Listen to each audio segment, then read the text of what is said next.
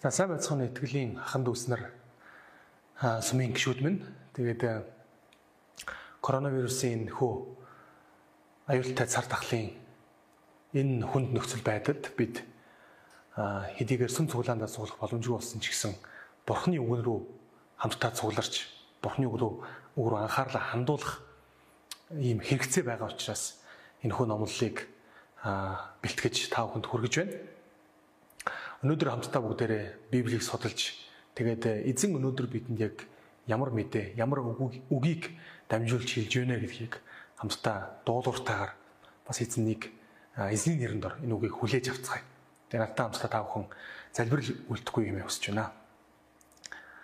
Бурхан минь тэгээд энэ үгийг дэлгэх үед та хүн нэг бүрийн чихийг нээлттэй байлгаж бидний хамгийн гол таны үгэнд зориулах хэвээр нээлттэй байх хэвээр бидний зүрх сэтгэлийг таас бэлтэж өгөрөө. Тэгээд бид амьдралдаа таны хүслийг таньж мэдж таны хүслийн дагуу шийдвэрийг эзэм нь бодтойгоор амьдралдаа үйлдэхэд гаргахад таслаа. Есүсийн нэрээр залбирлаа. Амен. За тэгэхээр өнөөдөр хамтдаа та бүхэнтэй цуг Библийн нэгэн гайхалтай үннийг, гайхалтай нэгэн сургаалыг, нууцыг хамтдаа нээж судлаа гэж бодлоо. Тэгэхээр сургаал номлолоо эхлэхээс өмнө та бүхнээс асуух нэгэн асуулт байна. Та Библиэлд хамгийн их дурддагдаг гол гол үгүүдийг мэдэх үү? Таны бодлоор ямар үг Библийн одоо хуучин гэрээ, шинэ гэрээн дээр хамгийн их дурддагдд юм болоо? Тэгэхээр бидний одоо хүн нэг бүрийн магадгүй гадарлаж байгаагаар хамгийн их дурддагддаг үг бол Бурхан, Эзэн, мөн Есүс гэсэн ийм үгнүүд бол Библиэлд маш олон байдаг шүү дээ. Тэгэхээр эдгээр үгнүүдтэй одоо ялгагдахгүйгээр хамгийн хэрэглэгддэг нэгэн үг Библиэлд байдаг. Тэгэхээр энэ үг ямар үг вэ гэхээр аав гэдэг үг, эцэг гэдэг үг. Тэгэхээр өнөөдрийн сургаал номлолын маань гол сэдэв бол Бурхан эзэн бол бидний Тэнгэрлэг эцэг бөгөөд бидний аав юм. Өнөөдөр ч гэсэн Бурхан өөрийнхөө хүүхдүүдийг яг л энэ хүнд хэцүү нөхцөлд эцэг хүн үр хүүхдүүдтэй хайрлаж хамгаалж хамт байдаг шиг бидэнтэй хамт байгаамаа гэсэн энэхүү гол санааг бас хамтдаа Библи дээрээс илүү дэлгэрэнгүй бас харъя гэж бодож байна. Тэгэхээр би тав хүн цаа хэлсэн а Библиэл дээр хамгийн ихээр дурддагддаг үг бол хуучин гэрэн дээр бол эзэн гэдэг үг байдаг. Яагаад эзэн гэдэг үг бурхан гэдэг үгнээс их дурддагдсан мэхээр 10 хуулийн 3 дахь хуулийн дээр Бурхан эзэн нэрийг дими хоосон бүү дурддаг. Тэрхүү тушаараас болоод Израильчууд Бурхан Бурханы нэрийг дуртахаас одоо цааргалж мөн түүнийхээ оронд эзэн гэдэг үгийг бол хэрэгэлдэг байсан. Тэгэхээр энэ үг бол бидний сайн мэдхээр бол одоо Адонай гэдэг үг байна. За мөн Бурхан гэдэг үг дурддаг. Тэгэхээр хамгийн их дурддагдсан байгаа эзэн гэдэг үг маань хуучин гэрэн дээр 7234 удаа дурсагдсан байна. Тэгэхээр би энэ судалгааг Библийн орчуулга дотроос хамгийн алдартай орчуулга болох King James гэдэг орчуулгаас та бүхэнд хүргэж байгаа.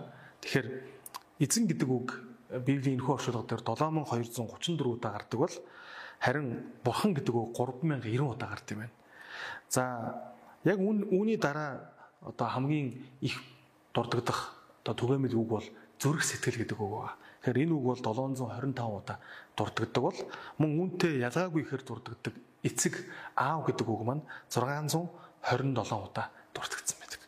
Тэгэхээр хуучин гэрэн дээр гим нүгэл гэдэг үг 336 удаа дурддагдсан байхад түүнээс даруй нэг дахин илүү буюу 627 удаа аав гэдэг үг одоо хэрэглэгдэж бичигдсэн байдаг гэсэн үг.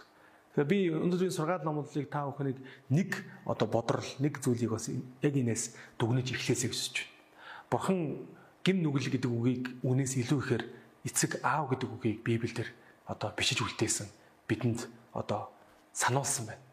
Тэгэхээр өнөөдөр ч гэсэн бид зүрх сэтгэл дотроо ямар одоо итгэл үнэмшилтэй байх ёстой гэхээр бидний Тэнгэрлэг эцэг бурхан бидний биднийг асар ихээр хайрладаг бөгөөд бидний гим нүглийн нүглийг уучлах, өршөөх бүрэн эрх мэдэлтэй бөгөөд биднийг өөрөө төрүүлэн над руу ирээч хэмээн дуудаж бас урьж байдаг тэр Тэнгэрлэг эцэг юм гэдгийг одоо энэ дашрамд хамгийн түрүүнд та бүхэнд сануулахыг хүсэж байна. Тэгэхээр өнөөдөр энэ хүү гарсан энэ дөрвөн үг байгаа. Аа эзэн, бурхан, зүрх сэтгэл, аав гэдэг. Тэгэхээр яг энэ дөрвөн үг буюу Библиэлд одоо түгээмэл дурдгдсан буюу түгээмэл хэрэглэгдсэн энэ хүү нэршил үгнүүд хамтдаа нэг дор орсон ишлэлүүдээс хамтдаа судлах юм байна. Тэгэхээр бурхны одоо Библиэлд хамгийн их дурддаж одоо ашиглагдсан энэ одоо гол үгнүүд нэг ишлэл дотор хамтдаа орохоор ямар утга санааг агуулдаг юм болоо гэдгийг би эндээс бас гаргаж ирье гэж хичээсэн.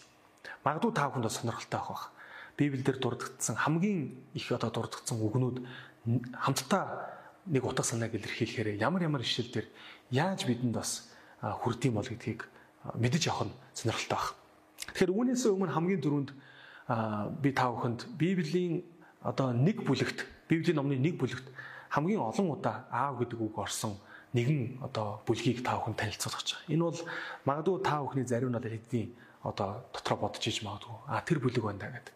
Тэгэхээр энэ бүлэг бол Матай номын 1-р бүлэг юм. Матай номын 1-р бүлгийг хэрвээ та бүхэн унших юм бол Матай номын 1-р бүлэг дээр эцэг гэдэг үг, аав гэдэг үг 39 удаа гардаг. Тэгэхээр нэг бүлэгт 39 удаа энэ үгийг бурхан ашиглахдаа тэр бүлэг дээр гарч байгаа хамгийн гол дүр буюу Матай номын 1-р бүлэг дээр гарч байгаа гол одоо дүрийг илүү тодтогч өгсөн. Хамтдаа бүгдээрээ Матай номын 1-р бүлгийг гаргаад унших юм бол энд Авраамийн удам, Давидын удам, Есүс Христийн угийн бичиг гэсэн эхний ишлэл гарч. Тэгэхээр мэдээж Матай номын 1-р бүлэг бол угийн бичиг байдгаар алдартай. Энэ бүлэгт маш олон одоо хүмүүсийн нэрс дурддаг. Зарим нэрсийг одоо хэлэхэд хүртэл одоо хэл хугарам ийм хэцүү нэрсүүд бас байдаг. Гэхдээ бид энэ нэрсүүдийг одоо бүгдийг уншихгүй хамгийн гол нь бидний эндээс авах санаа бол энэхүү Матай номын 9-р бүлэг маань 18 дугаар ишлэлээс эхлээд гол одоо үйл явдал нь гарч эхэлдэг. Есүс Христ ингэж мэндэлжээ. Есүсийн их майр Йосефтэй сүйд тавиад дэр нийлэхээс өмнө хевлидэ ариун сүнсээр хүүхэдтэй болсон байлаа. Нөхөр нь болох Йосеф зөвхт хүн байсан бөгөөд Марийг гудамшиг болгохыг үл хүссэн тул түүнээс нууцаар салах бодолтой байжээ. Харин түүнийг тийм бодож байх үед эзний тэнгэрлэгч зүүдэнд нь үзэгдэж Давидын хүү Йосефо Марийг эхнэрээ болгохоос бүү эмэгтэн. Учир нь түүнд олдоод байгаа нь ариун сүнснийх юм Түүнийг хүү төрүүлэхэд чи түүнийг Есүс гэж нэрлэл. Учир нь тэр өөрийн ард түмнийг нүглээс нүглээс нь аварна гэж хэлв. Идүүгээ энэ бүхэн тохиолдсон эзэн иш үзүүлэгчээр дамжуулан айлцсан нь билэгдэхийн тулд бөгөөд ингэхдээ харагтун онгон бүсгийн хүүхэдтэй болж хүү төрүүлнэ. Тэгээд тэд түүнийг Имануэль орчууд бол бидэнтэй хамт буй бурхан гэж нэрлэнэ гэсэн юм. Йосеф нойрноосоо сэрж эзний тэнгэр элчийн тушааснаар Марийг эхнэрээ болгоод хүүг төрүүлтэл түүнийг онгон хിവэр нь байлгасаар байв. Йосеф түүнийг Есүс гэж нэрлэвэ гэсэн байна. Тэгэхээр Матай номын 1-р бүлэг бол Йосефийн тухай гардаг бүлэг. Яагаад ч юм бэ Йосеф гэдэг энэхүү эцэг хүн аав хүний түүхийг дурдахын өмнө маш олон удаа түүний дээд өндөр эцэг өвгдийн тухай Матай дурдж одоо танилцуулсан байна. Мэдээж ч одоо зохиолын гол дүр буюу номын гол дүр үрийг толдохын тулд бас зарим нэгэн туслах дөрүүд, зарим нэгэн үйл явдлуудыг бас шигтгэж өгдгөөрөө Библи бол онцлогтой. Тэгэхээр хамгийн гол нь энэ Матай номын өдөр бүгдээр гарч байгаа гол үйл явдлын эзэн бол Йосеф юм.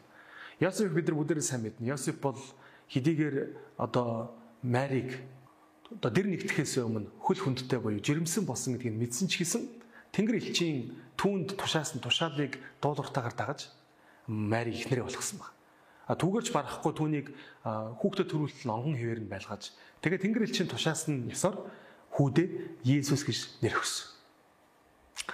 Эндээс бид бүхэн эцэг хүний үүрэг, эцэг хүний хариуцлага, эцэг хүний алсын хараа, эцэг хүний бас ихтгэл үнэмшил ямар байх ёстой гэдгийг олж харж болох юм байна. Өнөөдрийн нийгэмд бидний амьдарч байгаа энэ нийгэмд эцэг хүний үүрэг орол дутагдсан эцэг хүний одоо үүрэг хариуцлага алдагдсан ийм одоо цаг үе бид нар амьдарч байгаа. Маш олон гэр бүлүүд салж, маш олон одоо хүүхдүүд өмчөрч тэгээд өрх толгоонсон ээж нар, өрх толгоонсон эмэгтэйчүүд одоо эхчүүд үр хүүхдүүдэд өсгөж хүмүүжүүлж байгаа ийм одоо үед бид нар амьдарч байна. Тэгэхээр одоогоос 2000 жилийн тэртээ нэгэн эмэгтэй яг л ийм хар бараан амьдралыг туулах эрсдэлд ирсэн баг. Гэхдээ бурхны одоо юр бусын илчлэлтэр Тэнгэр элчийн түүнд сануулсан сануулгын дагуу Йосеф одоо гурван чухал үйлдэлийг энд хийсэн. Хамгийн ихний үйлдэл нь юу юм бэхээр Йосеф одоо майртай гэрэлсэн баг.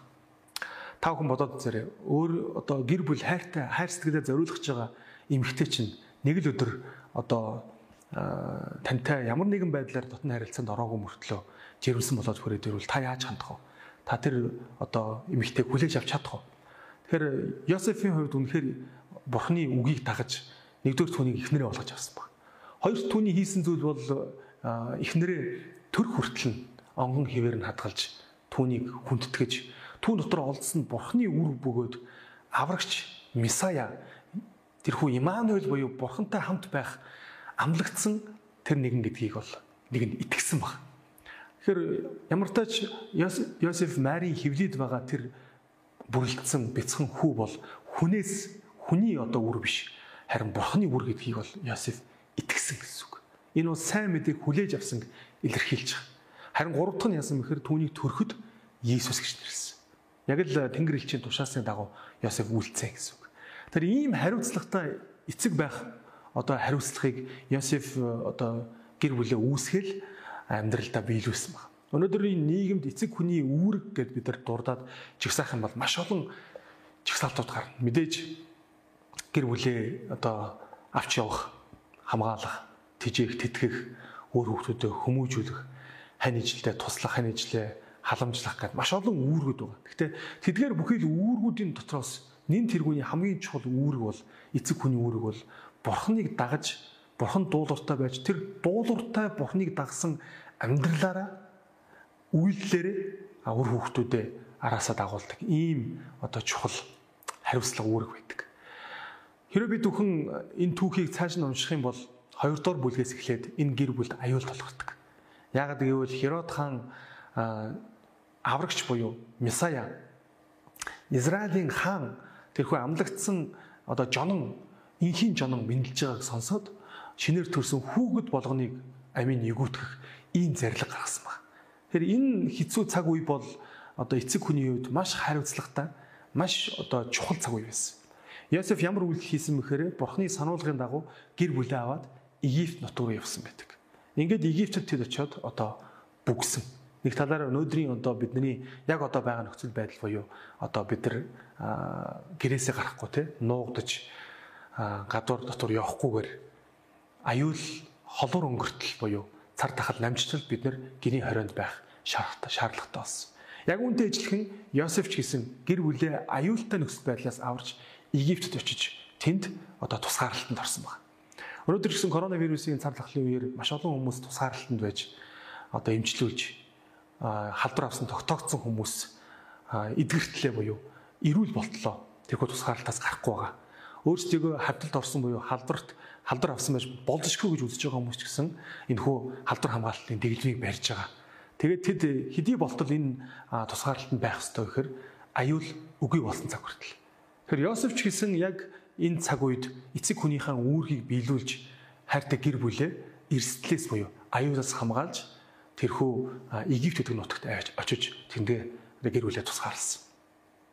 Өнөөдөр ч гэсэн энэ коронавирусын цар тахлын өдрүүдэд бидний одоо эцэг хүмүүсийн, аав хүмүүсийн хамгийн том хариуцлага бол хайртай хүмүүсээ эрүүл байлгах, аюулгүй байлгах. Тийм учраас аав хүн маска зөвл үр хүүхдүүд маска зөв. Аав хүн гараа угаавал үр хүүхдүүд гараа угаана. Аав хүн одоо гэрте байж гадуур хэсэхгүй одоо энэхүү 20 цэрийн дэглэмийг баримтлал үр хүүхдүүд нь ч гэсэн дагаад баримтлах ийм учиртай байна. Тэгэхээр аав гэдэг хүний үүрэг Йосеф гэдэг энэхүү одоо эгэл даруухан Библиэр гарч байгаа нэгэн эцгийн хийсэн үйлдэлээс маш тодорхой харагдаж байгаа. Йосеф Тэнгэр элчийн тушаасны дагуу Марийг эхнэрээ болгож авсан. Мөн түүнийг э, хүүхдэд төрүүл онгон хിവэр нь хадгалж түүнд олдсон нь ариун сүнсних буюу Бурхны хүү гэдэгт итгэж одоо хүлээж авсан. А мөн түүний төрөхт нь Есүс гэж нэрлэгдсэн тэрхүү Тэнгэр элчийн одоо тушаалыг биелүүлж Есүс буюу тэрхүү аврагч гэдэг нэрийг өгсөн баг. Ингээд Йосефийн хийсэн бас нэгэн хамгийн чухал зүйл бол гэр бүлээ аюултай тэрхүү нөхцөл байдлаас хамгаалж хайртай хүмүүсээ одоо тусгаарлаж Египтэд очиж тэндээ бүгсэн байна. Тэгэхээр яагаад би энэ түүхийг та бүхэнд дахин дахин давсаж хэлээд байна гэхээр өнөөдрийн сургаал номлолоос бид Тэнгэрлэг бурхан өнөөдөр байгаа өнөөдрийн нийгэмд байгаа эцэг нэг бүрийг аав нэг бүрийг хариуцлагатай байгаасаа хэмээн дууддаг гэдгийг би та бүхэнд голчлон хэлэх гээд байна. Өнгөрсөн өдрүүдэд би төгөлдөрсөн эр хүн гэдэг номыг одоо нээж эргүүлж уншиж байла. Тэгэхээр тэр номон дээр ямар нэгэн үйлдвэр байсан бэ гэхээр үр хүүхдээ хүмүүжүүлж хариуцлагатай аав байна гэдэг бол энэ дэлхий дээр хаанч байхгүй агуу том дуудлага юм а гэж агуу том хариуцлага үүрэг юм а гэж хэлсэн байсан. Саяхан Америк нэгдсэн улсын сонгуул болж тэнд 78 настай нэгэн эцэг хүн одоо ерөнхий хэрэгшин сонгуульд ялж байгааг бид нар харлаа. Тэгэхээр би тэрхүү сонгуульд нэр дэвшсэн одоо нэр дэвшигчийн амьдралыг судалж бас сонирхож үзэхэд аа маш одоо хүнд хэцүү амьдралыг одоо туулсан ийм эцэг байсан. 6хан жил ханилсан одоо ханаа одоо хүүхдтэйгээ аваар одоо автын ослоор алдаж тэгээд э, өөрийнхөө одоо хайрлж өсгсөн хүүгээ тархины хор тавдраар өнгөрхийг одоо нүдэрээ үтсэн ийм эцэг хүн байсан. Амьдралд зовлон үтсэн, амьдрал бэрхшээл үтсэн, зовж үтсэн хүн л хүний амьдралыг ойлгож, хүний амьдралыг одоо хугасалж хуваалцах чаддаг. Мэдээж энэ хүн бол үнэхээр амьдрал үтсэн үр хүүхдүүддээ эцэг хүн байхын хариуцлагыг үүр үүрхийн төлөө хичээж чармаасан ийм хүн байх нь байгаа нас харагдсан. Тэгэхээр өнөөгийн нийгэмд бурхан аав нэг бүрийг дуудсан хамгийн чухал дуудлага бол сайн эцэг байх юм. Сайн эцэг байх гэдэг энэ үгийг энэ томьёог задлаад ярих юм бол маш их цаг гарна. Гэтэ өнөөдөр би та бүхэнд дурдах гэж байгаа, сануулах гэж байгаа хамгийн чухал сайн эцгийн одоо шинж чанар бол бурханд дуулууртай байх. Бурхан өөрийнхөө хүүхдүүдийг яг л эцэг хүн шиг хайрладаг гэдэг жишээнүүдийг Библиэлд маш олон хэлсэн байдаг.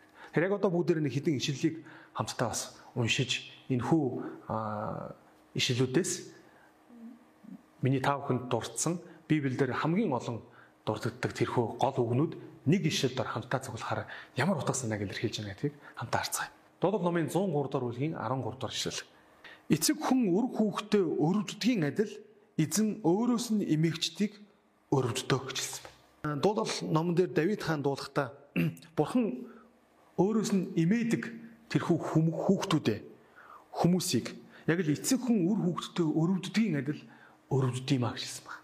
Би та бүхэнд хэлсэн Библиэлд дурдгдсан гим нүгэл гэдэг үгнээс илүү их бүр нэг дахин их эцэг гэдэг үг дурдгдсан байдаг. Тэгэхээр аав хүн үр хүүхдээ хүүхдээ өрөвдөж хайрладгийн адил эцэг хүн ч гэсэн одоо өөрөөс нь эмэгчдийг өрөвддөг гэж хэлсэн байна.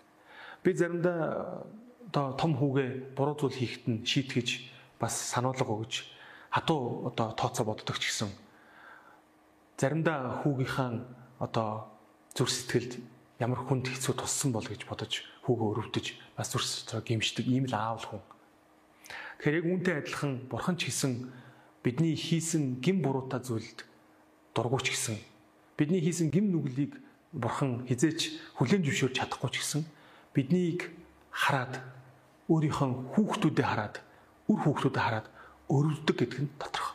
Хайрладаг гэдэг нь тодорхой. Дараагийн ишлэл маань хамтдаа Еврей номын 12-ын 7. Та нарын твчдэгч нь сахилах баттай болохын төлөө юм. Бурхан хөвгүүдтэйгээ харьцдаг шигэ та нартай тийхүү харьцдаг. Учир нь эцэг нь сахилгажуулдаггүй хүү хаана байна гэж хэлсэн байна. Тэгэхээр Иврэ номдор хэлэхдээ ч гэсэн итгэгчдийг сахилга баттай байх талаар дурдсан байна. Тэгээ үүнийг юу та зүүрлсэн бэхээр эцэг хүн үр хүүхдүүдээ хүүхдүүдтэйгээ харьцдаг шиг та нартай бурхан бас тэгж харьцдаг юм аа. Ягаад гэвэл өөрийнхөө хүүгээ хөвгүүдээ хүүхдүүдээ сахилгажуулдаггүй аав гэж хааж байхгүй гэж хэлсэн.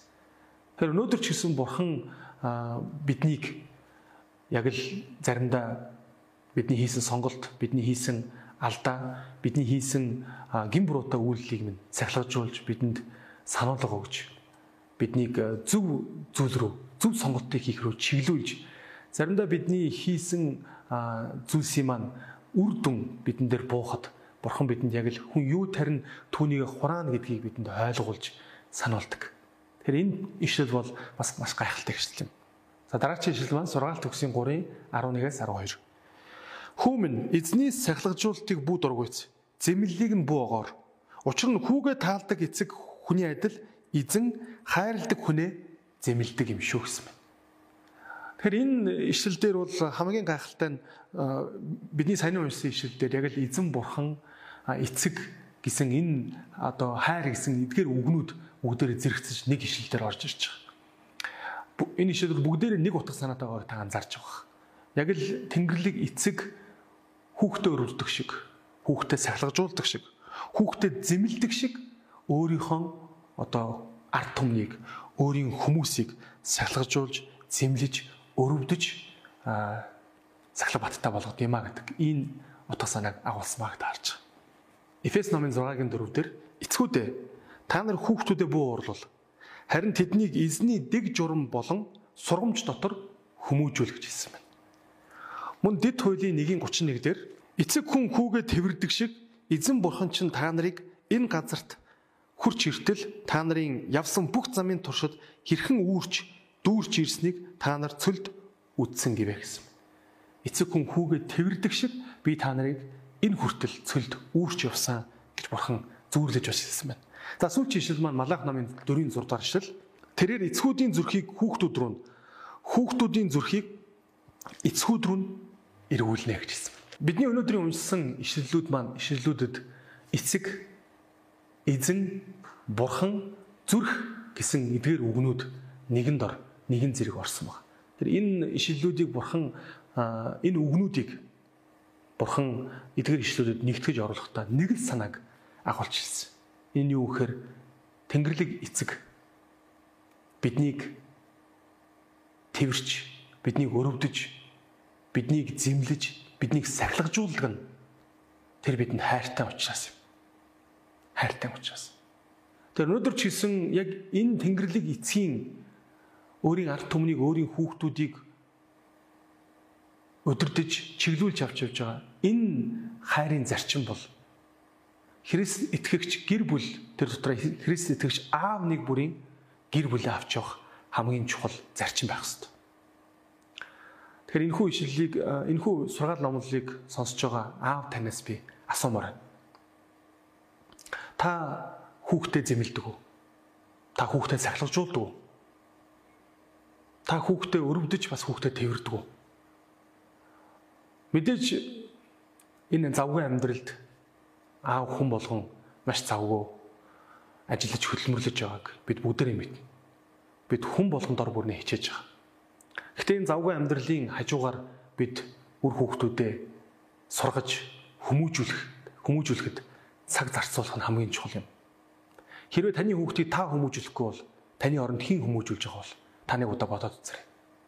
Таны хүүхдийг телевизэр, компьютер тоглоом, утас таны хүүхдийг магадгүй сургуулийнх нь найз нөхөд үе тэнгийнх нь тэнгийнх нь уруу таталт хэрвээ та хүүхдээ хүмүүжүүлэхгүй бол та хүүхдэд анхаарал хандуулахгүй бол та гэр бүлдээ анхаарал хандуулахгүй бол таны өөр хүүхдүүдийг өөр нэг л хүмүүжүүлэх бол Тэгэхээр итгэгч эцэг та итгэгч аав та Яг л Тэнгэрлэг бурхан өөрийн хүүхдүүдийг тэрч өрөвдөж мөн зэмлэж сахилгажуулдаг шиг өөрийн хүүхдүүдийг та хүмүүжүүлээч. Өнөөдөр мянган мянган ээж нар хүүхдүүдээ итгэлийн цэвэр замаар алхуулахын төлөө маш ихээр хичээж, маш ихээр чармааж байгааг бид нар харж байна. Яг гэвэл сүн цуглаан сүм цуглаанд бид нар очиход тэр дандаа ээжнэр л хүүхдүүдтэйгээ байж идэг. Аав нар маш цөөх. Тэгэхээр би бас энэ ташрамд э, бүхий л ээж нарт бас урамшуулж хэлмээр байна. Та үр хүүхдүүдэд зориулж байгаа таны цаг бол хамгийн алтан цаг. Хамгийн гайхалтай өв хөрөнгийг та хурааж байгаа цаг шүү. Магадгүй танаас хүн чи ямар хөрөнгөтэй ямар өв хөрөнгөтэй гэж асууж болох юм. Танд хүнд хилчгээр материалыг ямар нэгэн эд хөрөнгө хадгаламж байшин сав газар байхгүй ч болно.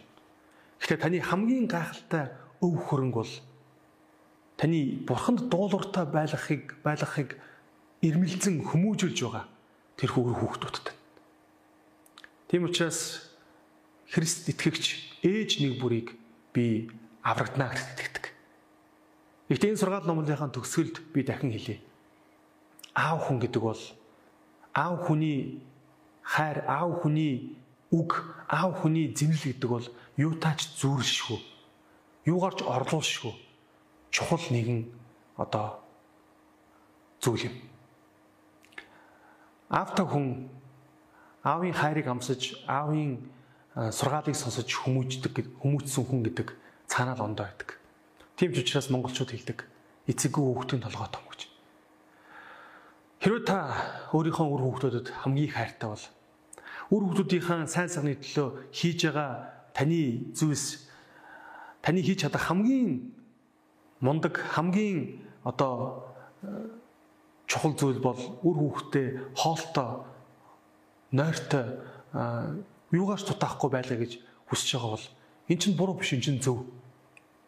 Би таны үүнийг улам сайн хийгээсэй гэж зоригжуулж байна.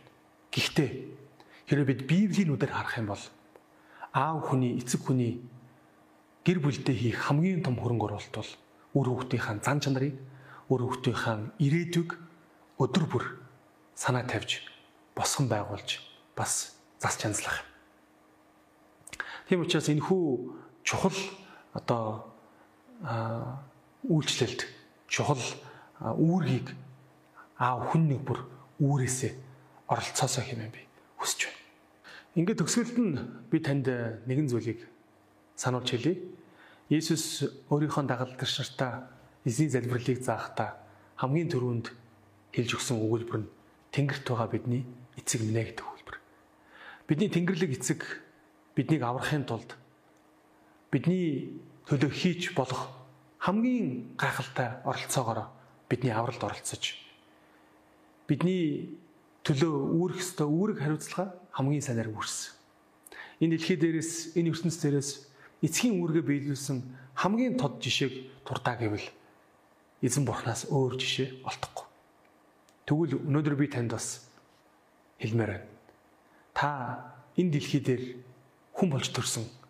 Энэ дэлхий дээр эцэг болж эцэг химэх тэр хүн нэрийг сойрхож авсан бол энэ хүү үүргээ хамгийн санаар биелүүлээрэй.